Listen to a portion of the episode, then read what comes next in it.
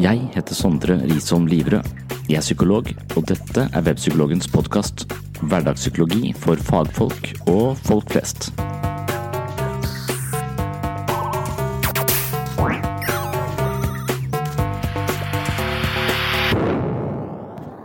Jeg fikk en telefon fra en frilansjournalist som heter Kristin Stavseth Knutsen. Hun ville gjerne snakke om kunstig intelligens og såkalte emosjonelle chatboots. Først og fremst lurte hun på om jeg var interessert i temaet, og det kunne jeg bekrefte. Kunstig intelligens og muligheten for å føre intelligente samtaler med en chattende robot er noe jeg tenker på i forhold til psykisk helse, men også noe jeg interesserer meg for på et mer generelt plan. Desto mer man tenker på kunstig intelligens, desto flere muligheter ser man men hver mulighet synes å være beheftet med en del usikkerhet og ganske kompliserte etiske dilemmaer. Kunstig intelligens utgjør uansett et kapittel i min bok som heter Psykologens journal, og Kristin sin henvendelse gir meg en mulighet til å lage en episode om dette temaet. Først skal du få høre hva jeg og Kristin snakket om, og deretter skal jeg lese et lite utdrag fra Psykologens journal rundt dette temaet. Jeg håper selvfølgelig at du blir så interessert at du går rett inn på webpsykologen for å kjøpe boken. Boken er tilgjengelig fra september 2018, og før den tid kan den forhåndsbestilles. Ok, her får du vår samtale om roboter som samtalepartnere og kunstig intelligens. Det er dessverre nødvendig å beklage lyden på forhånd. Jeg er ingen utstyrsfrik, noe som betyr at jeg ikke har det beste. Jeg interesserer meg så lite for de tekniske sidene ved det å lage en podkast at lyden kommer til å lide i flere av episodene her på sinnssyn. Mitt håp er at min entusiasme for ideene, filosofien og psykologien kan overdøve den dårlige lyden. Det kan jeg i hvert fall håpe på. Da kommer Kristin Stavseth Knutsen og jeg i en ikke planlagt samtale en ettermiddag i april 2018. Ja, jeg har, jo, jeg har, jo, vært litt opptatt av kunstig intelligens, jeg er også. Mer fordi at jeg kanskje følger Sam Harris og podkasten hans og er veldig opptatt av de bevegelsene han gjør, på en måte. Så, og han er jo bekymra for eh, kunstig intelligens. Eh, og så har jeg også hatt dette religionsprosjektet mitt, hvor jeg har, eh, hvor jeg har vært så veldig ateistisk anlagt. Og så har jeg prøvd også, å leve meg inn i et religiøst perspektiv da, som har gjort at jeg har har vært mye i menigheter og sånn, og der har jeg hatt med meg disse, ideene om kunstig intelligens, altså for å høre hva de tenker om det. Um, ja. Og det er også en interessant, uh, interessant ting.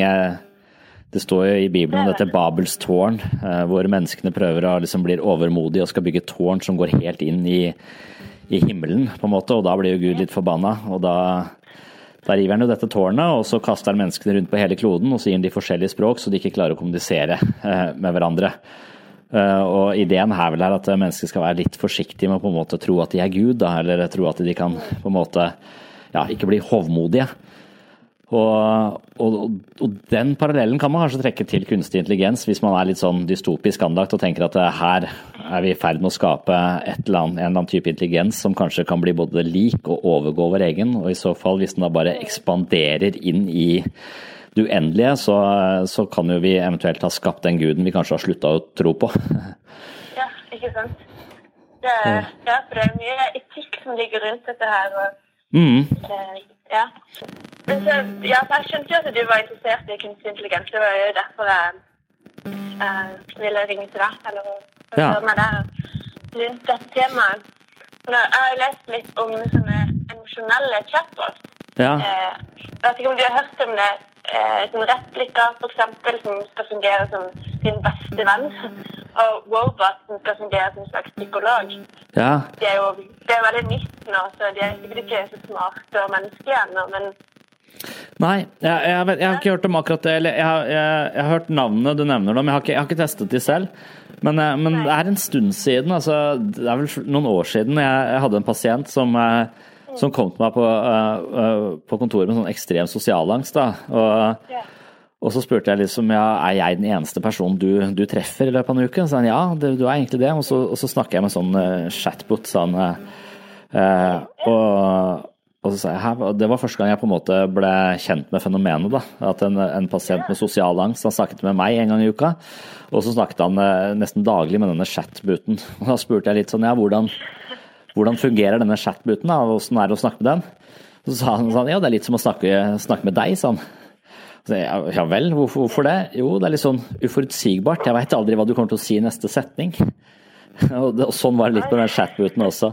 Og da gikk jeg inn og, og testa den, og, og prøvde også å snakke med den selv. Og den, den gir jo Har du prøvd, eller?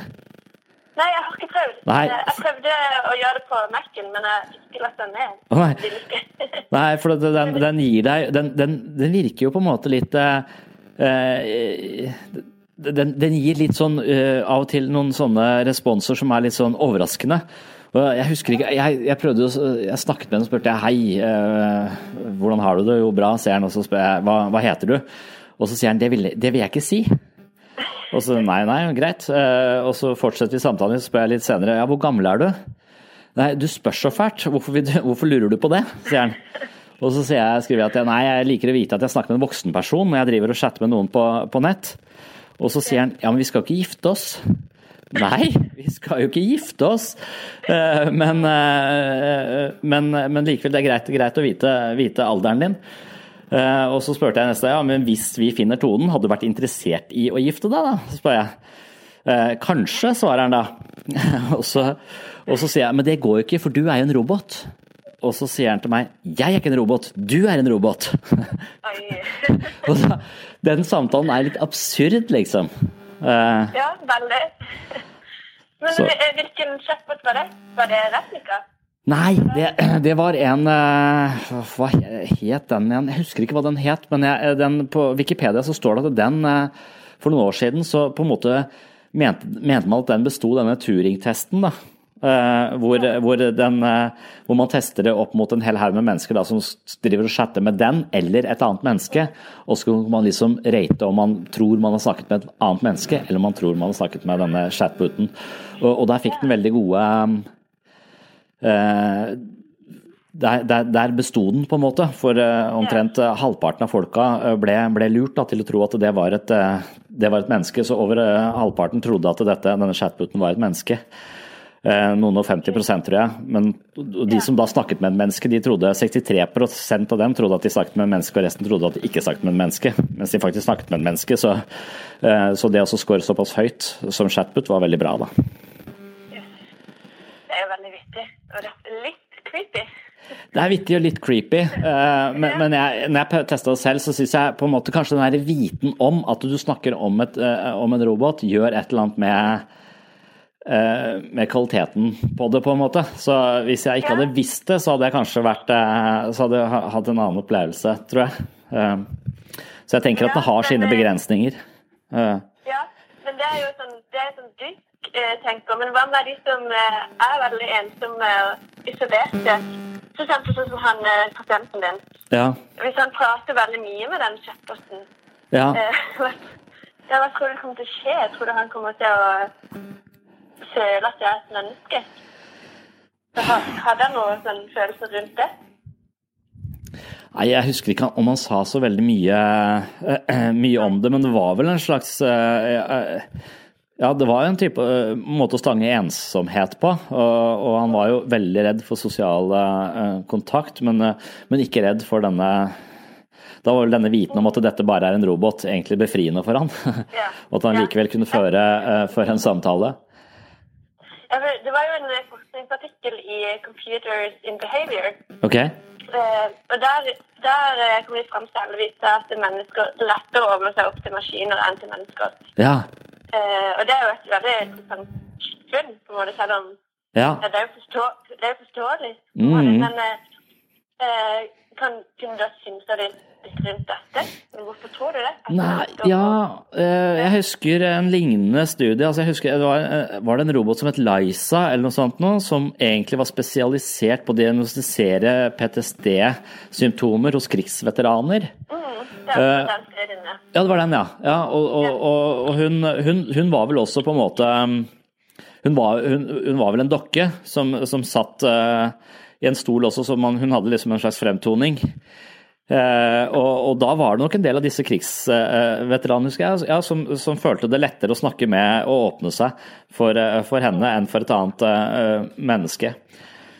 Det er jo Det er vel kanskje kunsten å være så oppriktig åpen som mulig, og da kunne uttrykke seg, seg fritt, da, men, mens den det er en viss begrensning når du snakker med et annet menneske, selv om du vet at dette mennesket har taushetsplikt, og at du oppmuntres til å være så åpen som mulig osv., så, videre, så vil du likevel kanskje innimellom, bare i kraft av at det er et annet blikk som du på en måte sitter foran et annet menneskes bedømmelse, føle en viss grad av skam eller eh, ubehag eller sjenanse og flauhet osv. Så videre, så, sånn at det kan være lettere å Kanskje lettere å åpne seg hvis det, hvis det ikke du er bevisst den andres bevissthet, nærmest. da. Men på annen side så tenker jeg at det, hvor meningsfullt er det? Altså, Hvis du skal uttrykke deg overfor en annen, vil du ikke da på en måte vil ikke meningen konstitueres i det at du vet at det er et annet menneske som oppfatter uh, dette, ser dette, forstår dette, føler med dette osv. At det, det er den menneskelige komponenten der som er avgjørende. Mm. Men uh, Det er jo derfor jeg syns det er interessant dette her med kunstig intelligens. Liksom, kommer, vi, kommer vi mer og mer vekk fra det menneskelige? Er det det som skjer, eller, eller blir vi mer menneskelige av å kunne prate med eh, og liksom ja, gi litt til kjeft og liksom, og eh, ja, eksempel folk som er ensomme da, eller isolerte, at de kan kanskje bli flinkere med det mellommenneskelige hvis de åpner seg til noe helt annet. Ja, at de kan trene, tenker du på? Ja, Ja. eh, sikkert, sikkert en fin treningsarena, det vil jeg tro. Så, men har du sett den filmen Her? Eh, Ja. Ja, for det er også en sånn ekstremt eksempel. eh, Og, det kan man godt forstå, for dette er en, en hyperintelligent operativsystem på en måte, som, eh, som, som kjenner til alle hans på en måte følelser og interesser og vaner, og, og, og kan justere seg inn og bli en slags perfekte partner. Eh, og, det syns han jo er eh, helt fantastisk, helt til han oppdager at hun snakker med 30 000 andre samtidig. og, da, eh, og da føler han seg litt forsmådd. Da blir, da blir han knust, for å si det sånn. ja, han, han blir det. Han får sånn type kjærlighetssorg. Han føler seg sviktet da, av denne, dette operativsystemet som han trodde var bare hans. Så, så, så en sånn partner som på en måte forstår deg fullt og helt, da, og kjenner dine innerste tanker og på en måte er bare total eh, match, kan jo kanskje være en fantasi, men kanskje også litt Kanskje det er forskjellene, kanskje det er motstanden, kanskje det er kranglinga og alt det som også eh, er en vesentlig del av et, eh, et parforhold. Ja. Og, Det, det var jo det, det filmen jeg viste, de kontrastene mellom eh, det forholdet han hadde med det operativ, operativsystemet og det forholdet han hadde hatt med hun eh, tidligere kjæresten, som var, hadde mye sånn, negative aspekter med seg. Ja, ja, ja. Ikke sant? Mm. Ja. Men jeg, var, jeg hadde jo faktisk tenkt å spørre deg litt om, den, om du har sett den filmen. Så, ja. hva, hva tror du? Tror du at fiksjonen vil bli realitet en gang? Ja, ja, jeg syns i hvert fall det er spennende å tenke, de, eh, tenke, tenke på den måten. Eh, Så jeg synes det er litt skummelt å tenke på kunstig intelligens eh, sånn à la Sam Harris, som er så uh, bekymra for det. Men han har jo mange gjester som i han ofte ikke er fullt så bekymra som han. Da. Så det er mange forskjellige ideer om hvordan dette her skal eh, hvordan det skal gå videre. Men det er i hvert fall viktig å tenke på det, sånn at man er litt, eh, litt forberedt. Eh, og så syns jeg den Black Mirror-serien og, og, og sånn også portretterer en del sånne Uh, scenarioer som jeg ikke hadde tenkt på, uh, og som ofte overrasker meg, overrasker meg litt. Uh, så, så, men i, i, den, i den grad jeg selv har vært redd for å dø, f.eks., så syns jeg den der ideen om å laste opp sin egen bevissthet til, et, eh, til en eller annen sky og kunne leve der evig, det blir jo en ny, sånn, det blir jo en ny eh, måte å uh, å tenke om himmelriket på. Sånn hvis du er opptatt av det religiøse og sånn, og tenker at jeg tror ikke på noe liv etter døden, men nå Jeg har kanskje mer troa på at jeg kan lastes, at jeg kan laste meg selv opp i en, en sky, enn at jeg kommer til å havne eh, i et eller annet guddommelig himmelrike. Eh, Selv om jeg er veldig usikker på og så er jeg veldig usikker på hvordan det egentlig blir. da, hva, hva, hva innebærer det? Hvis jeg på en måte laster opp meg selv nå til en sky, vil jeg da bare laste opp en kopi av meg selv og fortsatt være meg selv? Og så ikke vite noe om den kopien, for den vil bare leve videre. Og i så fall har jeg ingen interesse av det. Jeg syns ikke vi trenger flere av meg, på en måte. Jeg trenger at jeg blir et annet sted, at jeg er meg, som en følelse av et sammenhengende selv, som overlever eventuelt denne fysiske, uh, fysiske kroppen. Ja. ja, for dette blir, blir bevisstheten din splitta i to. Det er det Ja, det syns jeg er veldig vanskelig å Ja. Men jeg vet ikke, Så du den San Junipero var vel en av de, eh, en av de seriene i Black Mirror som eh, hvor hun, eh, De hadde dette forholdet i denne parallelle, eller den virtuelle virkeligheten. Mens hun ene levde egentlig i den vanlige virkeligheten også, og også hun andre levde i, bare i denne virtuelle ja, verden hvor man kunne koble seg til. da.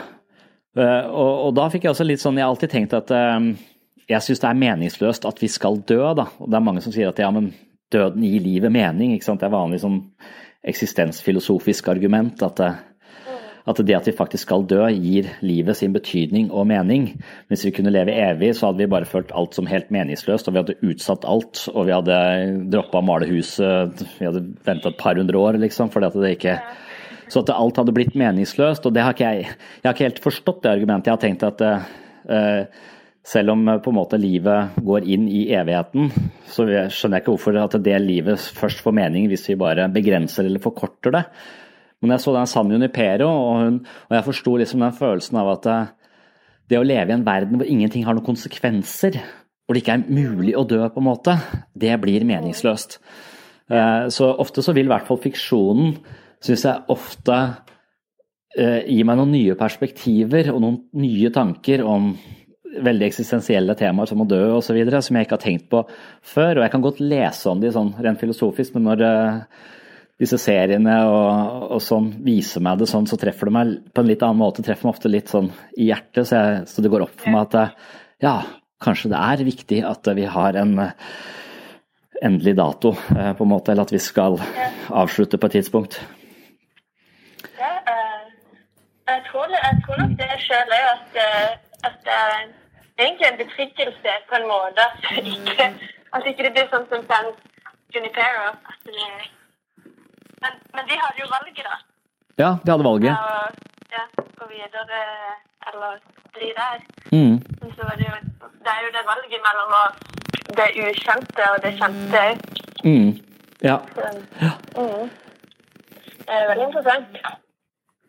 Men i forhold til psykisk helse, da, når når det gjelder disse uh, chatbootene, så er jeg litt sånn Jeg, jeg, jeg tror neppe de kan Foreløpig så er de langt ifra å kunne erstatte noen, eh, noen, mellommenneskelig kontakt. Og jeg er også litt sånn på at uh, den Det finnes jo en del uh, terapeuter som opererer bare over nett også, og noen ganger bare, bare på mail. Um, og det kan nok være veldig, veldig bra for de som har en ekstrem angst for å møte folk ansikt til ansikt, og kanskje aldri kommer i behandling fordi de nettopp ikke tør å møte andre mennesker, så er det kanskje et veldig viktig skritt på, på veien.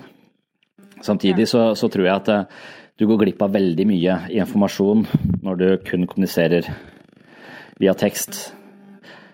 Det er sånn, eh, Som Paul Eckman, eksempel, som studerer følelser i ansiktet til folk, så er det jo hundrevis av muskler i ansiktet som på en måte avslører følelsene våre hele tiden. Så hvis vi hvis vi har en følelse som vi helst ikke vil uttrykke eller, eh, eller ikke vil vise, så vil den alltid avsløres i ansiktet vårt i, sånn, et, et brøkdels av et sekund. Da. Eh, så når vi snakker med et annet menneske og ser på det, så vil vi hele tiden eh, på en måte ta tempen på den emosjonelle temperaturen eller det klimaet i samtalen.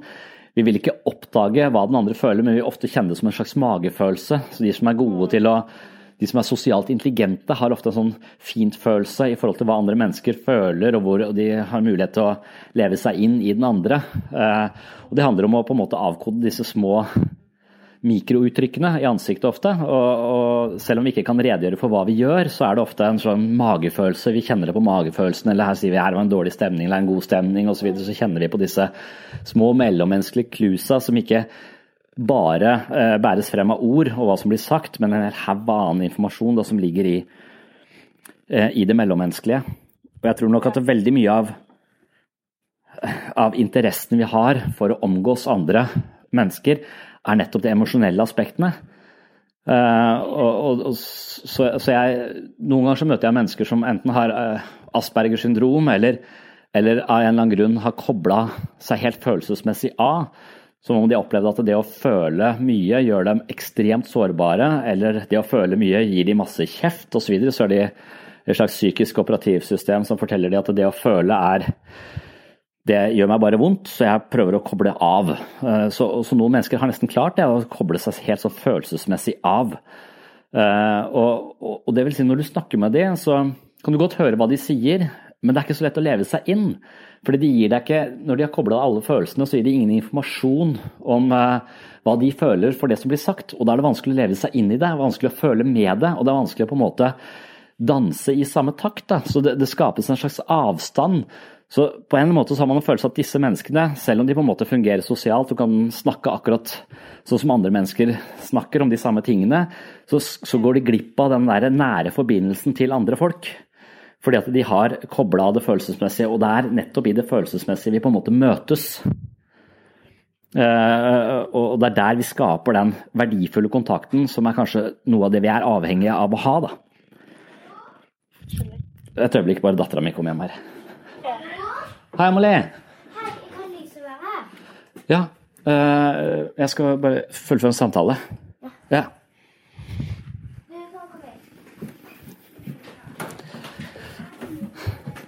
Sånn, da var de kommet hjem. Mm. Ja, er hyggelig. Eh, men kunne jeg fått et lite sitat helt til slutt? Eh, hvis vi bare går litt i dybden på det hele. vil du si at en slik emosjonell sett på at om det er en venn eller en fiende. Hvis du vil spille litt på det. Ja, jeg, jeg, vil den, jeg vil kanskje kalle den et supplement, da. Eh, jeg tror at det gir oss masse nye, nye muligheter. Masse nye muligheter eh, som er bra på veldig mange områder. Og så tror jeg det gir oss eh, potensielle sykdommer som vi ikke alltid klarer å forutse. Og det er nok kanskje ulempen, ulempen med det. Så, og sånn tenker jeg nesten litt om all utvikling. Altså, noen sier at det var bedre før i tida. Og det, det var jo kanskje bedre fordi det var enklere. Og nå har vi bare en teknologi som på en måte har gitt oss ekstremt mye flere muligheter enn vi noensinne har hatt. Eh, og det gir Ja, det er jo fantastisk på mange områder. Men samtidig så virker det som om masse muligheter også gir oss masse nye måter å være syke på, som vi aldri hadde tenkt på før. Så i den grad vi bare sto opp om morgenen og måtte jobbe på jordet for å få mat på bordet, så hadde vi ikke på en måte tid til å tenke over eksistensielle ting. og Dermed så ble vi ikke deprimerte på den måten vi blir i dag. Så med mye fritid så får vi nye sykdommer som vi på en måte ikke hadde tidligere. Sånn at et, et, atom kan ikke få kreft, men det kan en hund. Så idet vi øker kompleksiteten, idet vi får flere muligheter, så fører det med seg veldig mye positivt. Men det virker som om det er en sånn jevn balanse mellom det positive og det negative. Så vi kommer til å få nye bivirkninger. Vi kommer kanskje til å få folk som nettopp bare sitter og snakker med disse og kanskje unngår mennesker totalt og blir sin egen lille øy. Og det er vi ikke tjent med. Altså sånn, det, det å snakke om lykke og hva som gjør mennesker lykkelig, det er Eh, det eneste man vet sånn 100% korrelerer med, eh, med, et godt liv, det er å ha gode relasjoner til andre mennesker. Gode og fortrolige relasjoner til andre mennesker. Og Det viser jo denne studien fra Harvard som har gått over 80 år, hvor de spør folk liksom, i forkant hva tror du gjør deg lykkelig, og så tenker de jeg har masse penger eller god karriere eller osv. Og, og så spør de folk underveis i livet sitt, altså ikke sånn i retrospekt hvor de skal gjengi hva som gjorde de lykkelige på et tidligere tidspunkt. Uh, men uh,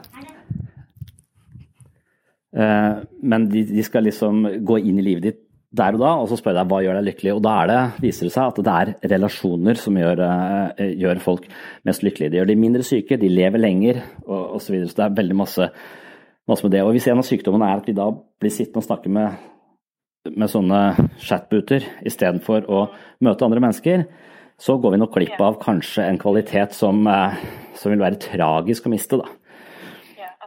Og det kan man si kanskje er en del av vår tids sykdom også, er denne individualismen, eller dette at vi ja, vi, vi, er ikke fullt så kollektivt orientert som vi tidligere var, kanskje. Og at vi har ikke heller de store fortellingene, eller vi tror ikke på det samme. Så vi på en måte det samholdet innad i flokken er kanskje med på å forvitre litt.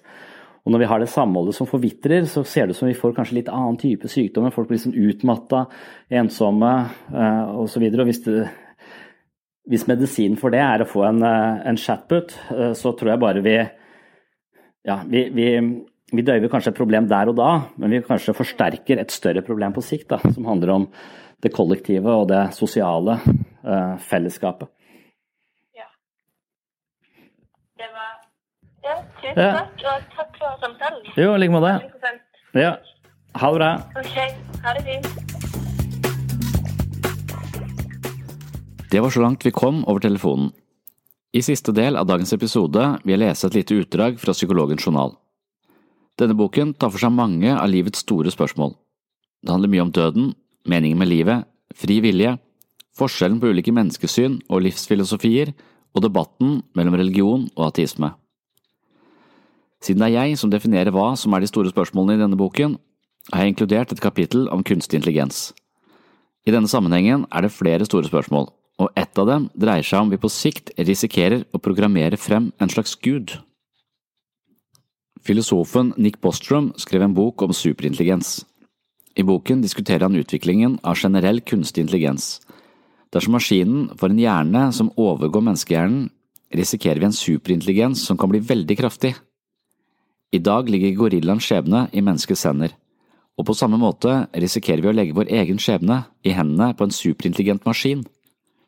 Dersom denne typen intelligens er akkompagnert av opplevelsesbevissthet, kan man se for seg at maskinen moralsk sett er mer verdt enn oss, akkurat som vi betrakter oss selv som mer verdt enn de fleste dyr. Kanskje har vi en fordel fordi det er vi som tross alt må utvikle denne maskinen, men dersom vi først kommer til det punktet hvor maskinen ser dagens lys, kan veien videre være ganske usikker.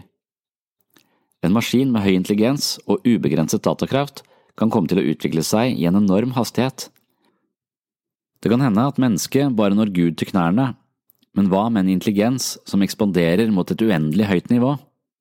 Ender vi opp med en situasjon hvor Gud er i maskinen?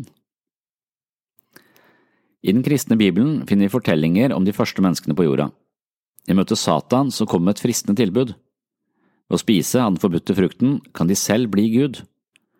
Adam og Eva har imidlertid fått streng beskjed om at de ikke må spise av kunnskapens tre. Den som spiser av kunnskapens tre, skal dø. Satan kommer i form av en snakkende slange, og han forklarer situasjonen litt annerledes. Han sier at de ikke vil dø, men at de vil bli som Gud og kjenne forskjellen på godt og ondt dersom de spiser av kunnskapens tre. Hvis vi spoler litt lenger fram i Det gamle testamentet, finner vi historien om Babels tårn. I denne fortellingen er menneskene litt for kjepphøye, og de bestemmer seg for å demonstrere sin storhet ved å bygge et tårn som strekker seg helt inn i himmelen. Dette tolererer ikke Gud, noe han gir uttrykk for i Første Mosebok 11,6. Se, de er ett folk, og ett språk har de alle, og dette er det første de gjør. Nå vil ingenting være umulig for dem, uansett hva de bestemmer seg for å gjøre. Gud må sette en stopper for dette, og han gjør det på en finurlig måte. Han gir folk forskjellige språk så de ikke forstår hverandre, og han sprer dem ut over hele kloden så de ikke kan nå hverandre. Babels tårn ble aldri ferdig. Disse fortellingene peker mot den ene synden Gud ikke kan tilgi, nemlig hybris, når mennesket prøver å spille Gud. Og det er her kunstig intelligens kommer inn i bildet. Ateisten bekymrer seg ikke så mye for om Gud plutselig skal felle en dom over mennesket og straffe oss med en flom eller lignende. Klimakatastrofer klarer vi å lage på egen hånd. Mange ateister har imidlertid en annen frykt som ligner litt, Frykten dreier seg om at kunstig intelligens vil bli så avansert at den begynner å programmere seg selv. Det er en enorm utvikling på dette feltet, og det er ingen grunn til å tro at denne utviklingen vil stagnere eller flate ut, snarere tvert imot. Innenfor dette feltet snakkes det om en eh, singularitet. Singularitet refererer til et eh, tenkt fremtidsscenario, kanskje i 2040, hvor kunstig intelligens har overgått vår menneskelige intelligens. I dag har vi maskiner som er bedre enn oss på en rekke områder. De slår oss i sjakk og go, men de er som regel begrenset til et spesifikt område. De maskinene som slår oss i sjakk, kan ikke male et bilde eller vurdere et aksjemarked. Men det finnes kunstig intelligens som kan male bilder på ekstremt høyt nivå. Robotgenerert kunst har blitt anerkjent av profesjonelle kunstkritikere som ikke visste at kunsten var laget av en maskin. Kunstmaskinene kan imidlertid ikke spille sjakk, og poenget er at man innenfor kunstig intelligens finner mange spesialister, men få allmennpraktikere. Dette kommer til å endre seg. Singularitet handler om at vi får maskiner med en intelligens som matcher vår egen. vi får maskiner som består Turing-testen. Alan Turing skrev en artikkel i 1950 hvor han drøftet muligheten for intelligente maskiner. Han mente at dersom et menneske kunne sitte foran en skjerm og kommunisere med en maskin uten å oppdage at det var en maskin, så var maskinen intelligent. I dag snakker man seriøst om kunstig intelligens på menneskelig nivå. Men hvis en slik maskin ser dagens lys, vil den ikke være på et menneskelig nivå veldig lenge. Kunstig intelligens på menneskelig nivå vil være like intelligent som oss i brøkdelen av et sekund, og deretter vil de overgå oss i et tempo vi ikke kan forestille oss. En maskin har den fordelen at den kan tenke mange tusen ganger raskere enn oss. Det vi klarer å lese, forstå og regne ut i løpet av et helt liv, klarer den på under en time. Da får vi en situasjon med en eksplosiv intelligens og maskiner som programmerer seg selv. Hva vil de finne på? Hva motiverer dem? Vil de ta vare på oss, eller plassere oss i dyreparken, slik vi har gjort med våre kusiner og fettere fra dyreriket? Det er vanskelig å forutsi. Når intelligensen er en størrelse som øker eksponentielt på grunn av maskinens enorme prosesseringskraft, kan vi raskt ende opp med noe som ligner en gud. Er dette mulig? Noen mener at det allerede er i ferd med å skje. Eksempelvis finnes det matematiske bevis med mer enn én million algoritmiske genererte trinn, noe som er så omfattende at resultatet er umulig å kontrollere for et menneske. Matematikere må stole på oppskriften ettersom det er umulig å validere resultatet på en etterrettelig måte. For de som ikke er kjent med begrepet algoritmer, holder det å vite at en algoritme er en presis beskrivelse av en serie operasjoner som skal utføres for å løse et problem eller et sett med flere problemer. Google sine algoritmer begynner også å bli så kompliserte at ingen egentlig vet helt hvordan de fungerer. Google har et stort team av programmerere, og den enkelte programmerer kjenner kun til en liten del av de største algoritmene. Ingen har den fullstendige oversikten over hvordan de fungerer. Dette er eksempler på noe som kalles for sorte bokser. De sorte boksene inneholder kompliserte oppskrifter som genererer resultater uten at vi helt vet hva som skjer inni boksen. Selv om det finnes uhyre kompliserte algoritmer, er det ingen som hevder singularitet enda. På mange måter er det slik at maskiner overgår mennesker. Uansett hvor begavet en person er, så vil vedkommende aldri romme all informasjon, programmer og underprogrammer som finnes i en datamaskin. Det er ikke mulig. Og for de av oss som er litt mindre begavede, så har store deler av verden allerede blitt så overveldende at vi ikke forstår den. Det er få av oss som kan redegjøre for hvordan TV-en eller mobiltelefonen egentlig fungerer, men vi bruker de, og det er derfor vi blir kalt brukere. Selv om maskinene er komplekse eller gode i sjakk, vil vi ikke påstå at de er intelligente på linje med oss selv. Det er fordi at eh, kompleksitet sannsynligvis ikke er nøkkelen til intelligens. Det er snarere det som kalles for agency på engelsk. Det dreier seg om et eh, system som utviser en eh, slags intensjon. Muligens er det her vi grenser opp mot bevissthet og filosofiske begreper som intensjonalitet. Intensjonalitet betyr at bevisstheten handler om eller er rettet mot noe. I den grad kunstig intelligens blir intensjonell, utviser den målbevissthet og noe som vil ligne på egen vilje. Og så snart den får slike egenskaper, blir den å regne som et moralsk vesen med sine egne agendaer. Det kan også innebære at den utviser makt og autoritet for å nå sine mål. Hva er disse målene? Det er det store spørsmålet. Vi vet at Deep Blue ville vinne over Geri Kasparov i sjakk på midten av 90-tallet og så lenge vi selv har programmert maskinene, så har vi en viss peiling på hva de vil. Men idet vi får maskiner med en mer generell intelligens på vårt eget nivå, og de plutselig begynner å programmere seg selv, så har vi ikke lenger styringen på maskinens hensikter. Hvis dette høres mindre ut som mekanikk og mer ut som Gud, så har du skjønt poenget. Vi kan forvente at maskinene utplasserer oss på stadig flere områder, men det er ikke sikkert det er så bekymringsverdig. Dette er spesialiserte programmer som i bunn og grunn ligner på en kalkulator. Vi forventer ikke at en kalkulator skal lære seg sjakk, og dermed Alfa Zero i en litt annen liga, men de fleste avanserte programmer er fortsatt ganske spesialiserte, og slike programmer er lett match når vi har kraftige datamaskiner. Det man derimot eh, sikter mot innenfor kunstig intelligens, er en form for intensjonalitet. Det dreier seg om de egenskapene vi kjenner igjen som menneskelige kvaliteter, men det krever at man løser den såkalte bevissthetsgåten. Man må forstå menneskets bevissthet og takle det som David Chalmers definerer som the hard problem. Det vil si at man må finne ut av hva det vil si å være meg, og på dette punktet kan det hende at teknologien kommer til kort. På nettet finner du mange kunstige samtalepartnere som lærer av sine samtaler med mennesker. Cleverboot er et slikt program, og man kan faktisk føre en rimelig intelligent samtale med dette programmet, men er det egentlig noen hjemme hos Cleverboot? Vi har ingen grunn til å tro at slike programmer er bevisste, eller at de har en kvalitativ opplevelse av å være den de er. Et verst tenkelig scenario er at vi utvikler kunstig intelligens som utrangerer oss selv. De er bedre tilpasset, og dermed vil de overleve oss. De fungerer optimalt med superintelligens, men de har ingen bevisst opplevelse av å være den de er. Livet på jorda dør ut, og tilbake står en horde av superintelligens som fungerer, men bak fungeringen er lysene av. Vi har skapt noe som overtar og utkonkurrerer oss selv, men vi har ingen evne til å sette pris på det. Dette er et dystopisk scenario som blant annet dukker opp i Sam Harris sine verste mareritt. Heldigvis er ikke alle som tenker på kunstig intelligens like pessimistiske. Der tror jeg det passer å sette punktum for i dag. Det er mange intrikate spørsmål og dilemmaer som dukker opp når man tenker på kunstig intelligens. Med det håper jeg at jeg har vekket din nysgjerrighet, og jeg håper at du blei så nysgjerrig at du går inn på webpsykologen.no for å kjøpe boken som heter Psykologens journal, eller de andre bøkene jeg har skrevet om menneskets finurlige indre liv, og hvordan vi kan styrke våre mentale muskler. Takk for i dag, takk til dere som gir podkasten stjerner i iTunes, og på gjenhør i neste episode.